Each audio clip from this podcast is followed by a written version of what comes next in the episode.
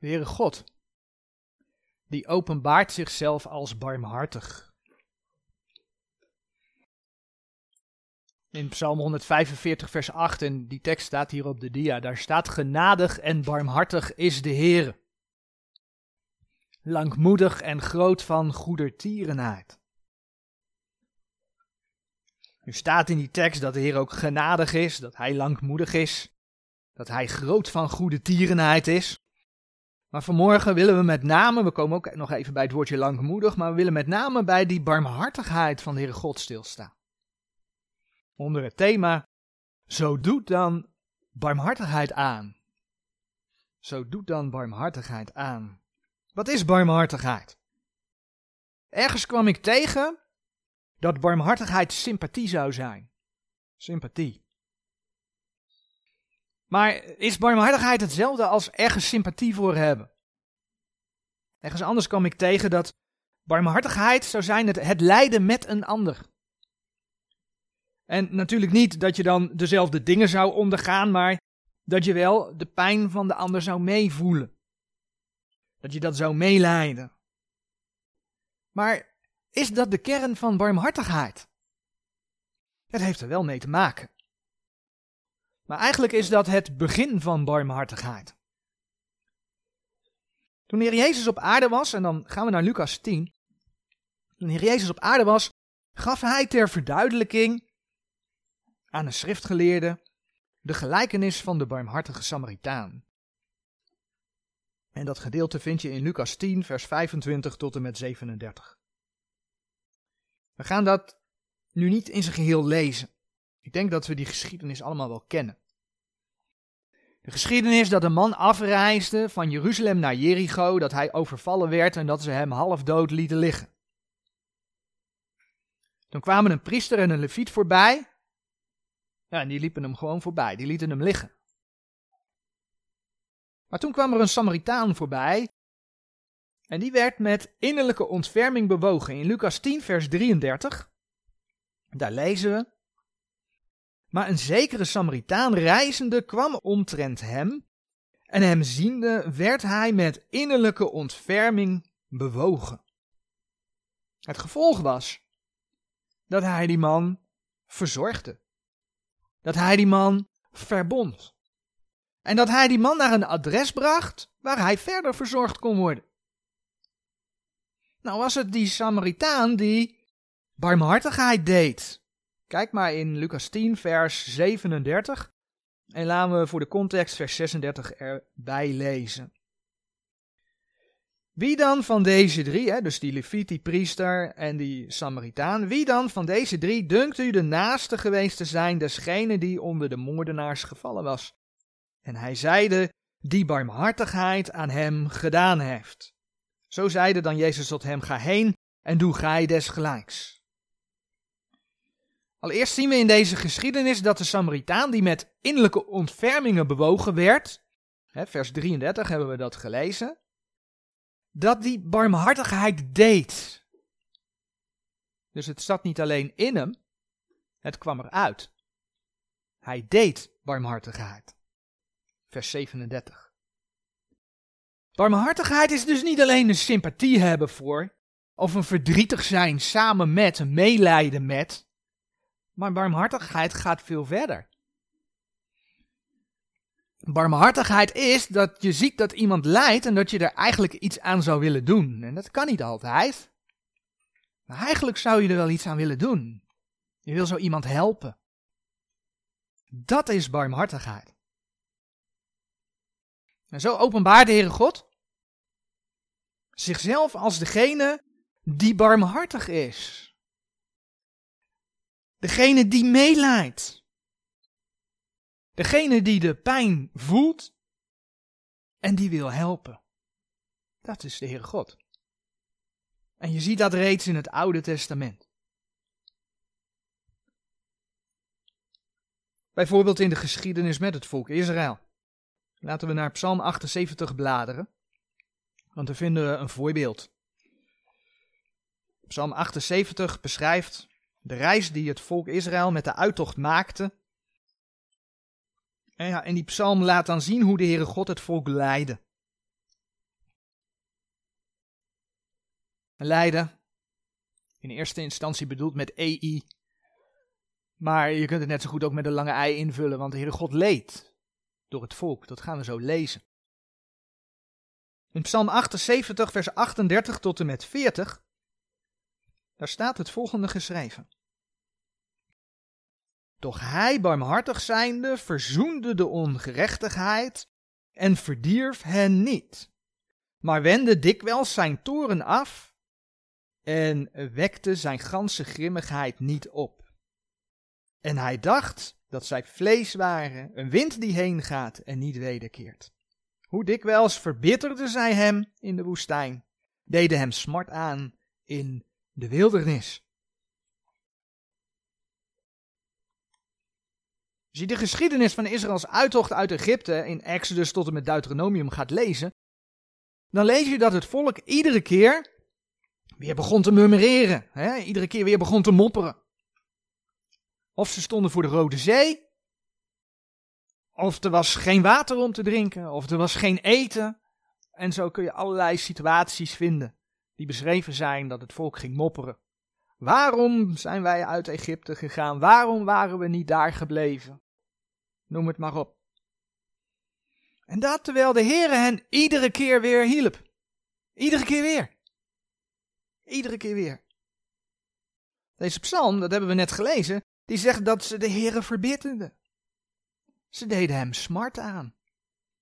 Nou, we kennen de geschiedenis van Mozes die dan voorbeden voor het volk doet op verschillende punten.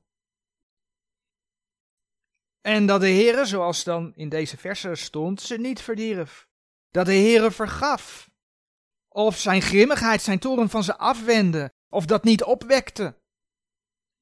Eigenlijk zie je in die geschiedenis dat de Heere God hen iedere keer weer de kans gaf om hem wel te dienen. Om wel naar hem te luisteren. De heilige God, hè, want dat is de Heere God, de Heere God is heilig. De heilige God verdroeg de zonde van het volk om ze vele kansen te geven. En dat noemt deze psalm, want dat hebben we net gelezen. Psalm 78, in vers 38. Dat noemt deze psalm Gods barmhartigheid. Hij gaf ze die gelegenheid terwijl God leed, terwijl hij zelf leed. Terwijl hem smarten aangedaan werden terwijl hij verbitterd werd. Hij leed onder de zonde en afwijzing van het volk, maar hij gaf ze nog steeds de kans om bij hem te komen.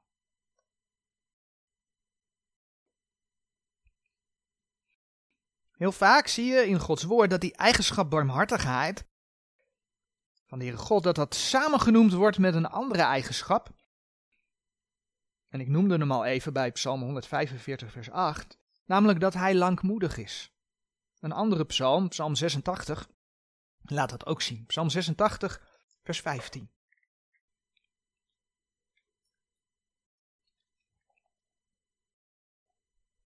In Psalm 86, vers 15, daar staat geschreven: Maar gij, heren, zijt een barmhartig en genadig God, langmoedig en groot van goede tierenheid en waarheid. Gij zijt een barmhartig en genade God, langmoedig en groot van goede tierenheid en waarheid, barmhartig en langmoedig. Wij vertalen dat langmoedig vaak met geduld. Doe ik op straat ook, met straatbreken. Als ik dan het woordje langmoedig tegenkom, dan vertel ik altijd, de Heere God heeft geduld. Maar eigenlijk is het niet juist. In nieuwe vertalingen zie je dus ook geduld staan, want ja, dat is langmoedig, is een oud woord natuurlijk als je naar de betekenis van woorden gaat kijken, gaat langmoedig gaat veel verder dan geduld.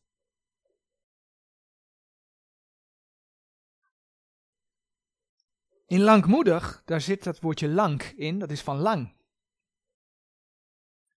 God is heel lang geduldig. God heeft niet geduld. De Heere God heeft heel veel geduld. Dat blijkt ook uit een vers als Romeinen 9, vers 22. Romeinen 9, vers 22.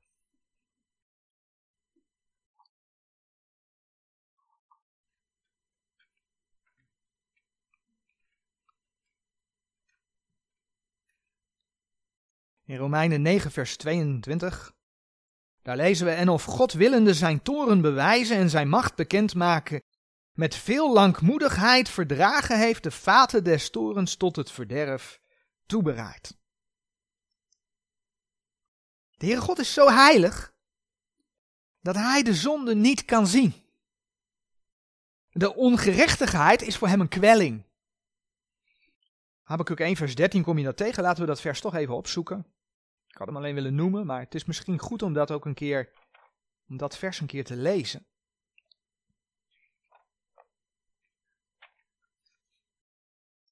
Habakkuk 1 vers 13.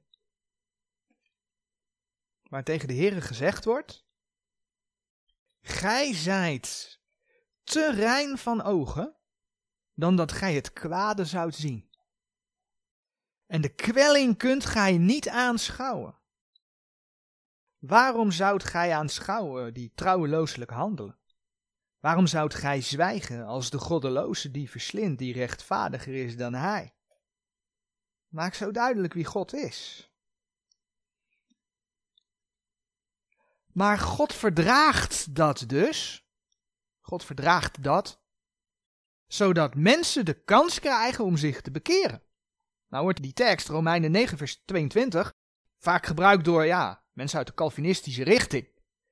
Die dan zeggen, zie je wel, de Heere God bereidt vaten voor voor zijn toren en voor het verderf. En ja, dat doet de Heere ook. Maar wel nadat die vaten gekozen hebben. Je mag echt zelf kiezen. Het mooie is dat het ook gewoon in Gods woord staat. Alleen ja, dan moet je schrift met schrift gaan vergelijken en niet naar één tekst kijken. Als je in 2 Timotheus 2 vers 20 tot en met 21 kijkt, dan zie je daar staan dat vaten zich kunnen bekeren. Ik wou hem even genoemd hebben. Ik ga daar nu niet verder op in.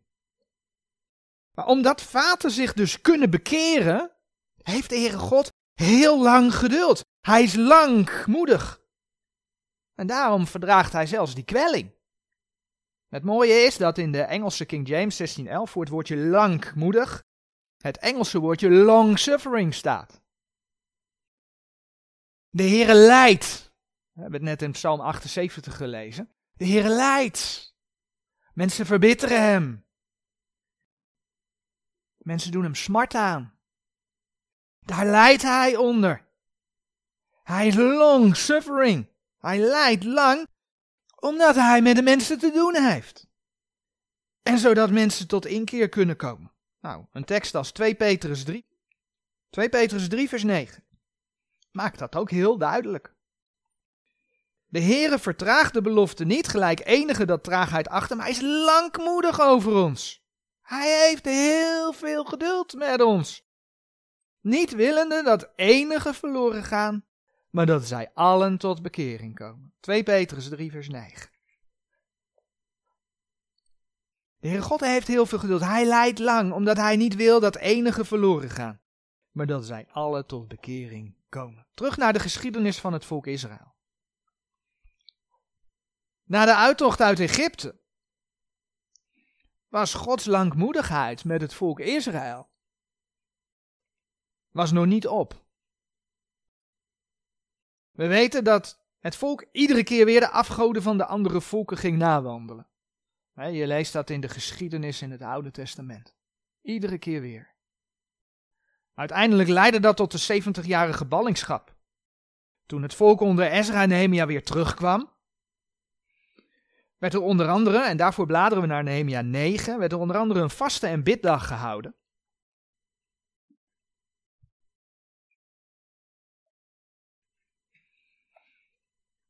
Ezra, Nehemia, Esther, Job, Psalmen. En met die biddag werd onder andere het volgende gebeden, wat we in Nehemia 9, vers 26 en 27 lezen. Maar zij zijn wederspannen geworden en hebben tegen u gerebelleerd, en uw wet achter hun rug geworpen en uw profeten gedood, die tegen hen betuigden, om hen te doen wederkeren tot u. Alzo hebben zij grote lasteren gedaan. Daarom hebt gij hen gegeven in de hand hunner benauwers, die hen benauwd hebben. Maar als zij in de tijd hunner benauwdheid tot u riepen, hebt gij van de hemel gehoord en hun naar uw grote barmhartigheden verlossers gegeven, die hen uit de hand hunner benauwers verlosten. De Heere strafte het volk niet zomaar. Hij zond profeten om ze te waarschuwen. Dat lees je keer op keer. Maar het volk luisterde niet. Het volk was in opstand, hè? er wordt over rebellie gesproken. In opstand tegen de Heere God. En dan vertelt dat vers dat de Heer in zijn grote barmhartigheden verlossers had gezonden. Nou, in, deze context, als je dat in de context gaat lezen, verwijst dat in eerste instantie naar de periode van de richteren. Dat God iedere keer een richter gaf die het volk ging leiden. En dan was er weer even rust in Israël. Maar feit is dat de Heer het volk dus, hè, ondanks dat ze iedere keer weer afdwaalden, dat de Heer ze kastijde en ze verlossers zond als ze opnieuw tot hem uitriepen.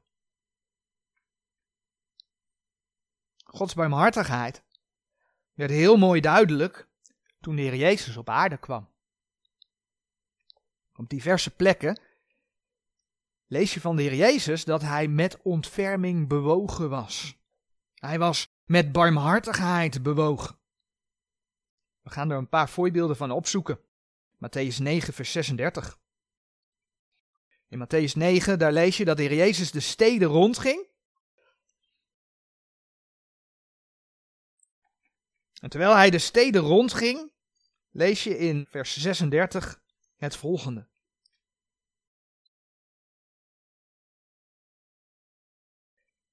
Matthäus 9, vers 36.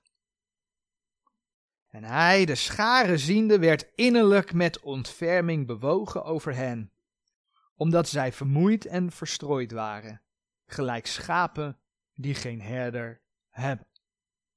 En hij, de scharen ziende, werd innerlijk met ontferming bewogen over hen, omdat zij vermoeid en verstrooid waren, gelijk schapen die geen herder hebben.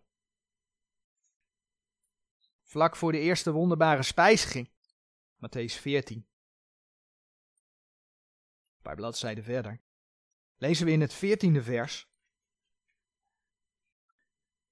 En Jezus uitgaande zag een grote schare en werd innerlijk met ontferming over hen bewogen en genas hun kranken. Hij genas hun zieken. Bladeren we door naar Matthäus 20, toen de Heer Jezus twee blinden genas. Lees je in Matthäus 20, vers 34. En Jezus, innerlijk bewogen zijnde met barmhartigheid, raakte hun ogen aan en terstond werden hun ogen ziende. En zij volgden hem. Laten we naar Lucas 7, waar de Heer Jezus een weduwe tegenkwam. Een weduwe die haar enige geboren zoon aan het begraven was.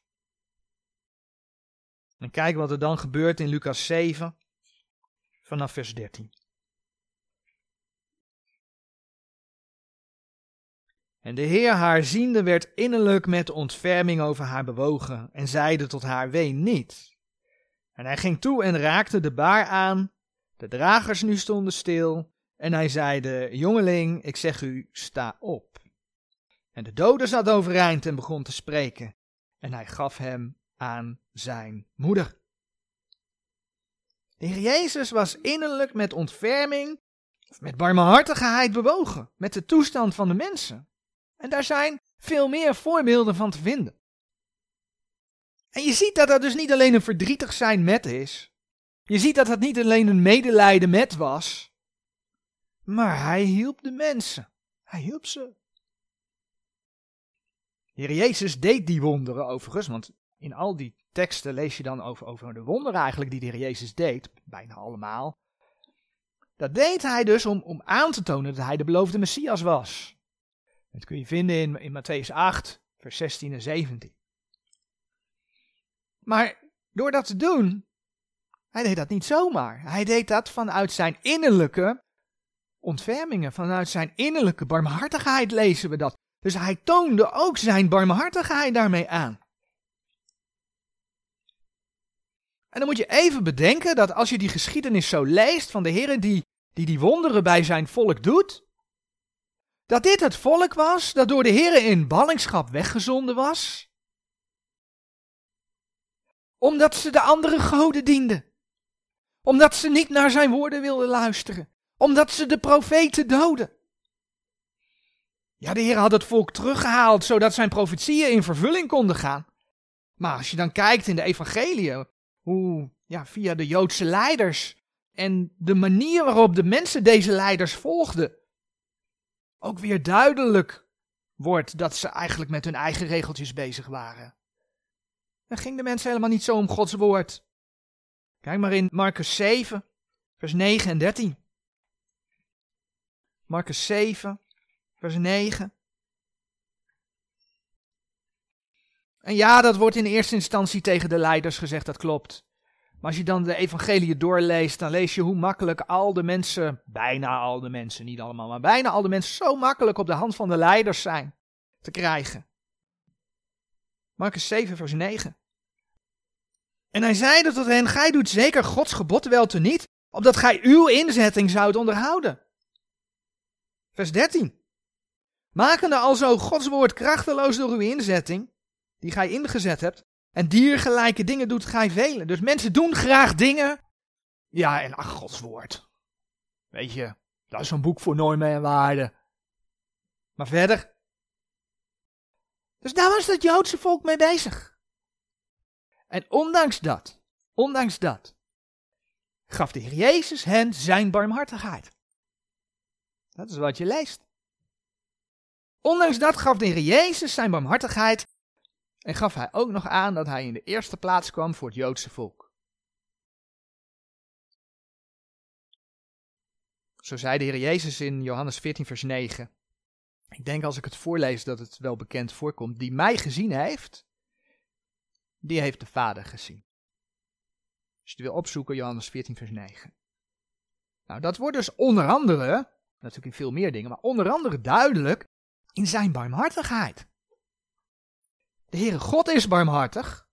Dus ja, God geopenbaard in het vlees, de Heer Jezus Christus, is barmhartig. Dat is wat hij op aarde liet zien. Ja, en daarmee liet hij zien. Onder andere daarmee liet hij zien wie de Vader is.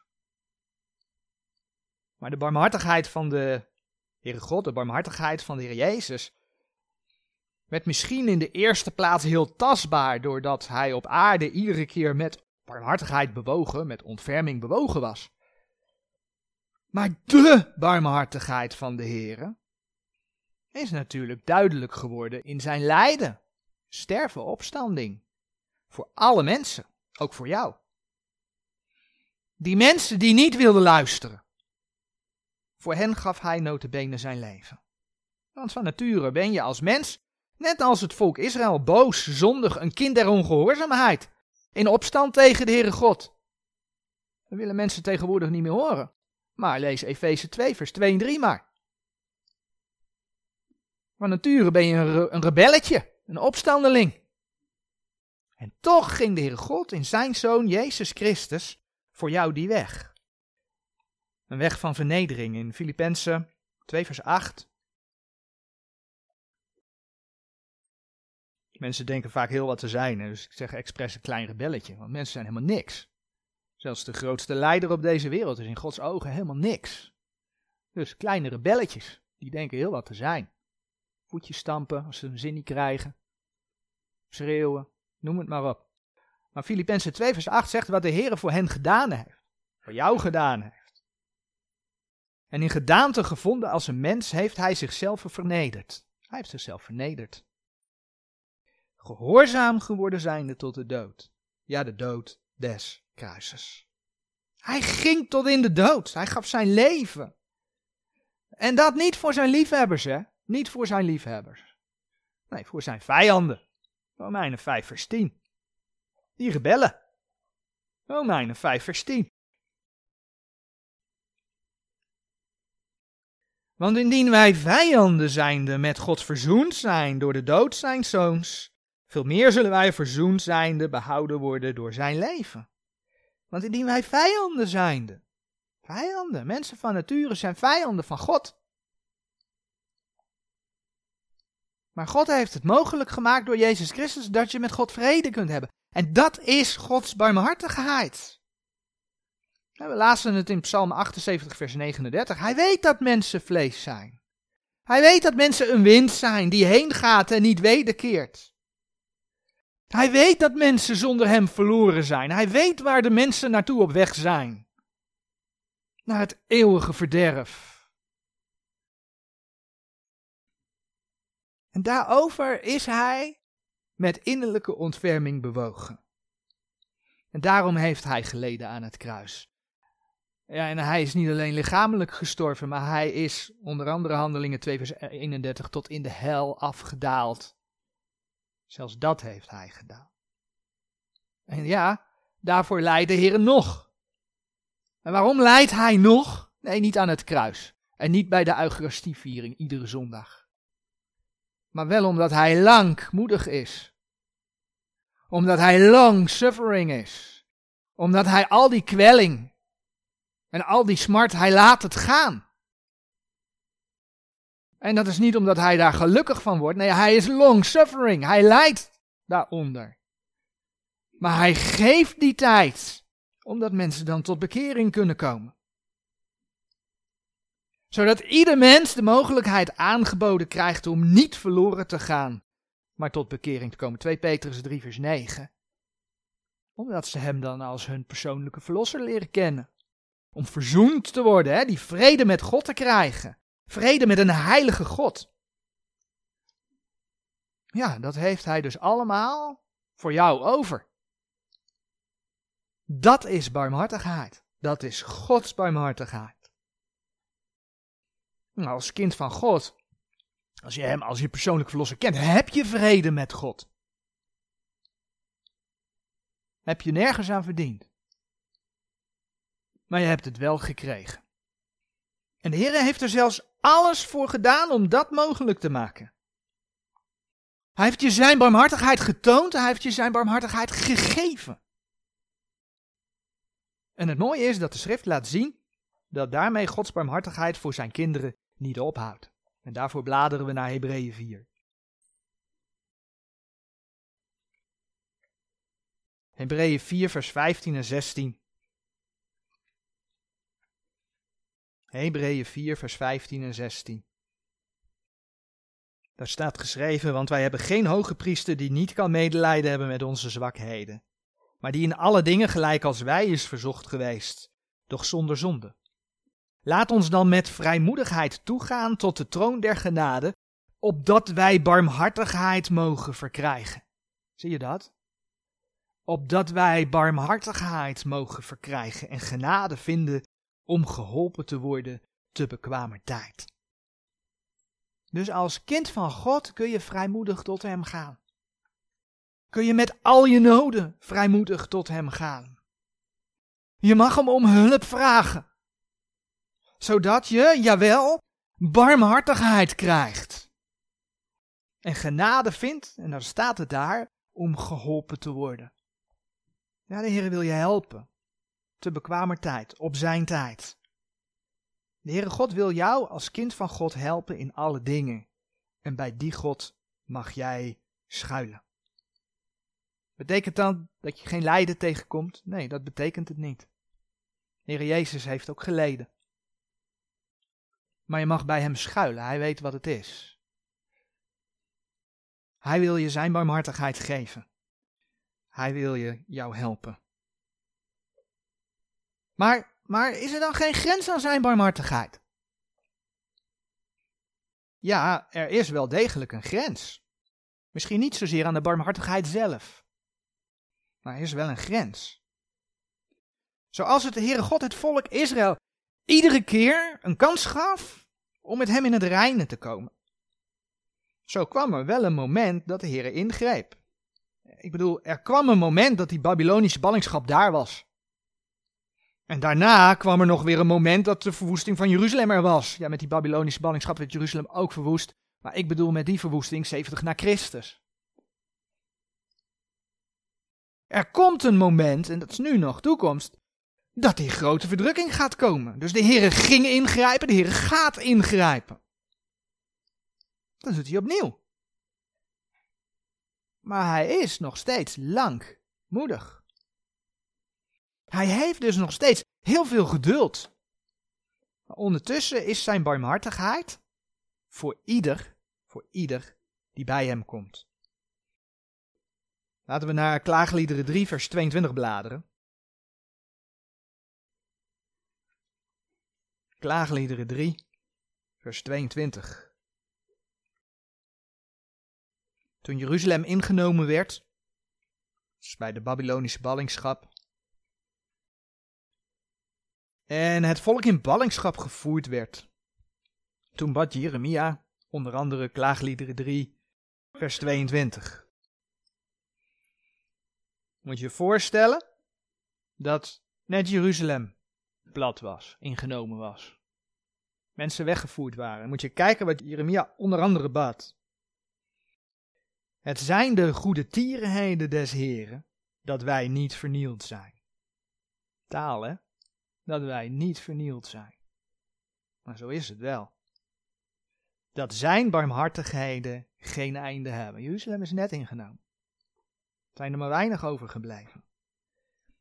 Het zijn de goede tierenheden des Heren, dat wij niet vernield zijn. Dat zijn barmhartigheden geen einde hebben. Ja, dat heeft met de zonde van het volk Israël te maken. Onder Nehemia na de ballingschap, dan bladeren we weer naar Nehemia 9. Dus toen ze terugkwamen, toen bad men onder andere wat er in Nehemia 9, vers 30 en 31 staat en vers 33.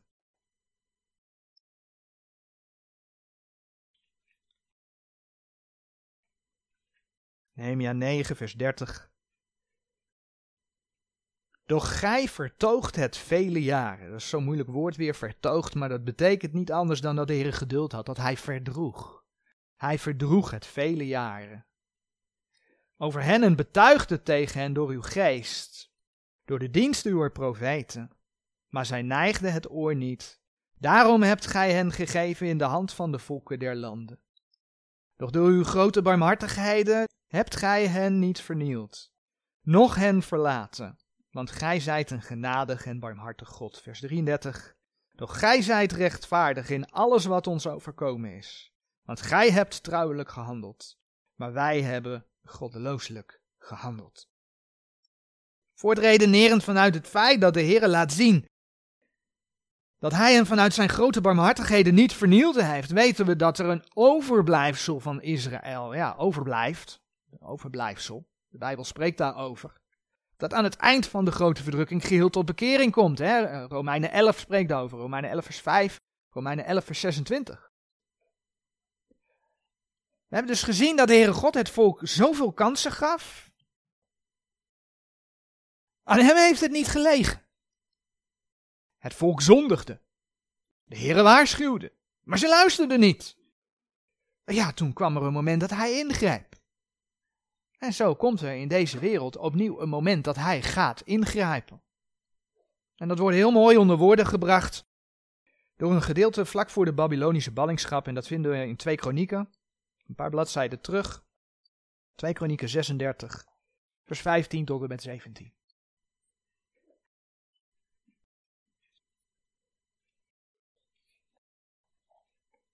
2 Kronieken 36, vers 15 tot en met 17.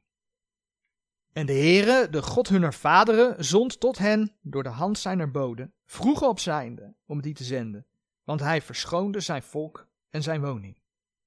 Maar zij spotten met de boden gods en verachten zijn woorden, zij verleiden zichzelf tegen zijn profeten. Zij verleiden zichzelf tegen zijn profeten. Totdat de grimmigheid des Heren tegen zijn volk opging, dat er geen helen aan was. Want hij deed tegen hen opkomen de koning der Galdeeën, die hun jongelingen met het zwaard in het huis huns heiligdoms doodde. En hij verschoonde de jongelingen niet, noch de maagden, de oude noch de stokoude. Hij gaf hen alle in zijn hand. De Heere God, in eerste instantie, dat was vers 15, verschoonde zijn volk en zijn woning. Dat betekent dat hij hen spaarde. Hij spaarde ze. Hij verdroeg het. Ondanks hun zonde was hij barmhartig. Nou, ook deze teksten laten zien dat Heere God zijn profeten stuurde. Dat kom je iedere keer tegen. De Heere stuurde zijn profeet om hen te waarschuwen, maar ze bekeerden zich niet. Ze bespotten hen. Ze verachten Gods woorden. En dan zegt de Heere, totdat. Totdat. Totdat de grimmigheid des Heeren tegen zijn volk opging, dat er geen helen aan was. Helen, genezen, totdat er geen genezen aan was. Het volk was zo zondig, zo verhard. De Heere God kon niet anders dan ingrijpen. Ja, en toen verschoonde, toen spaarde hij hen niet. Hè? Dat is vers 17. Nu zegt Klaagliederen 3, vers 22, dat Gods barmhartigheid zonder einde is. Ja, een ieder die wil, kan tot bekering komen. Dat God voor Israël toen de tijd. Daarom zonde heren zijn profeten. Maar dat geldt ook de mens van nu. Daarom heeft hij zijn woord gegeven. Daarom wordt zijn woord verkondigd. En dan zegt 2 Petrus 3 vers 9 dat hij wil dat alle tot bekering komen. Maar er is dus wel een beperking. Er is een totdat. Als mensen hem blijven verwerpen, dan gaat hij ingrijpen. Ja, zijn woord, profetisch, heeft laten zien dat dat gaat gebeuren. En wij weten dat het aan het gebeuren is. Nou, Romeinen 11, vers 25.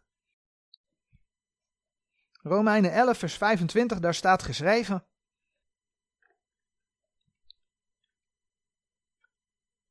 Want ik wil niet, broeders, dat u deze verborgenheid onbekend zij, opdat gij niet wijs zijt bij uzelf, dat de verharding voor een deel over Israël gekomen is, totdat de volheid der heidenen zal ingegaan zijn.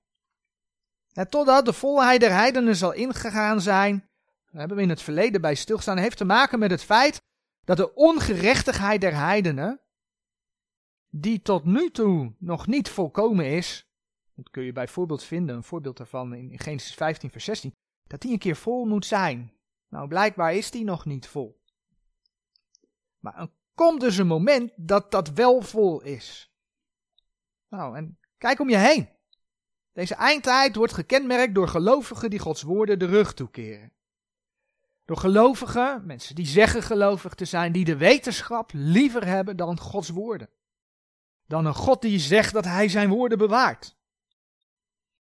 Deze eindtijd, dan bladeren we naar 2 Petrus 3, wordt gekenmerkt door spotters. Dat merk je om je heen. Tijd die gekenmerkt wordt door spotters. De Heer zegt daarover in 2 Petrus 3, vers 3 en 4. Dit eerst wetende dat in het laatste der dagen spotters komen zullen die naar hun eigen begeerlijkheden zullen wandelen. En zeggen waar is de belofte zijner toekomst. Want van die dag dat de vaders ontslapen zijn, blijven alle dingen al zo gelijk van het begin der schepping. De spotters zijn er. Gods woorden worden veracht. Net als in de dagen van Israël. De geschiedenis die we van Israël in het Oude Testament gelezen hebben. Nou, 1 Korinthe 10, vers 6 en 11, die zeggen zo mooi dat Israël ons als voorbeeld gegeven is. Israël is als voorbeeld gegeven. Waarom? Nou, de geschiedenis herhaalt zich toch? De heidenen zijn geen haar beter dan Israël. En je ziet het gebeuren om je heen. We leven te midden van een tijd van spotters en mensen die Gods woorden de rug toekeren. Maar het is Gods barmhartigheid dat Hij op dit moment nog steeds niet ingegrepen heeft.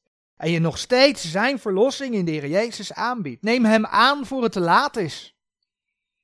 Het is tevens Gods barmhartigheid dat je als kind van God nog steeds de tijd krijgt om met Hem in het reine te komen. Dat je van Hem nog steeds de tijd krijgt om een vol loon te krijgen, zoals 2 Johannes 8 zegt.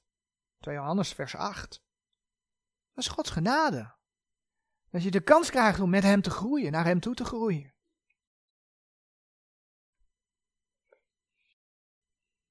Nu heeft de Heer Jezus ons een voorbeeld gegeven. We hebben gezien wat zijn barmhartigheid, wat dat inhoudt. En dan gaan we Colossense 3 vers 12 erbij pakken. En daarmee sluiten we af voor vandaag. En dan krijg je nog even mee waar dit thema naartoe gaat. Zo doet dan barmhartigheid aan. Want Colossense 3 vers 12 zegt, een brief aan de gemeente, leerstellig geschreven voor de gemeente, zegt, zo doet dan aan als uitverkorene Gods, heilige en beminde, de innerlijke bewegingen der barmhartigheid, goede tierenheid, ootmoedigheid, zachtmoedigheid, langmoedigheid. Zo doet dan aan. Een deel van de evangelische wereld leeft zo in de gedachte: Jezus heeft mij gered, dus ik hoef niks meer te doen. Maar als je de brief aan de gemeente goed gaat lezen, dan klopt daar iets niet. Nee, je hoeft voor je behoud niks te doen, want het is genade. Uit genade gered.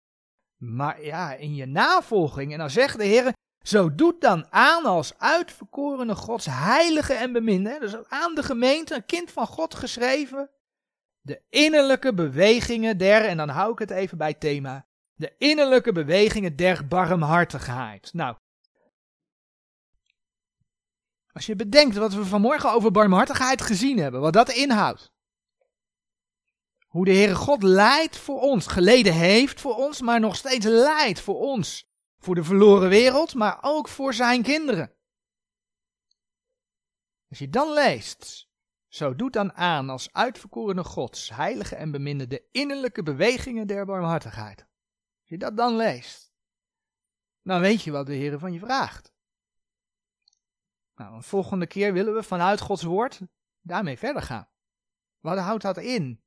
Zo doet dan aan de innerlijke bewegingen der barmhartigheid. Amen.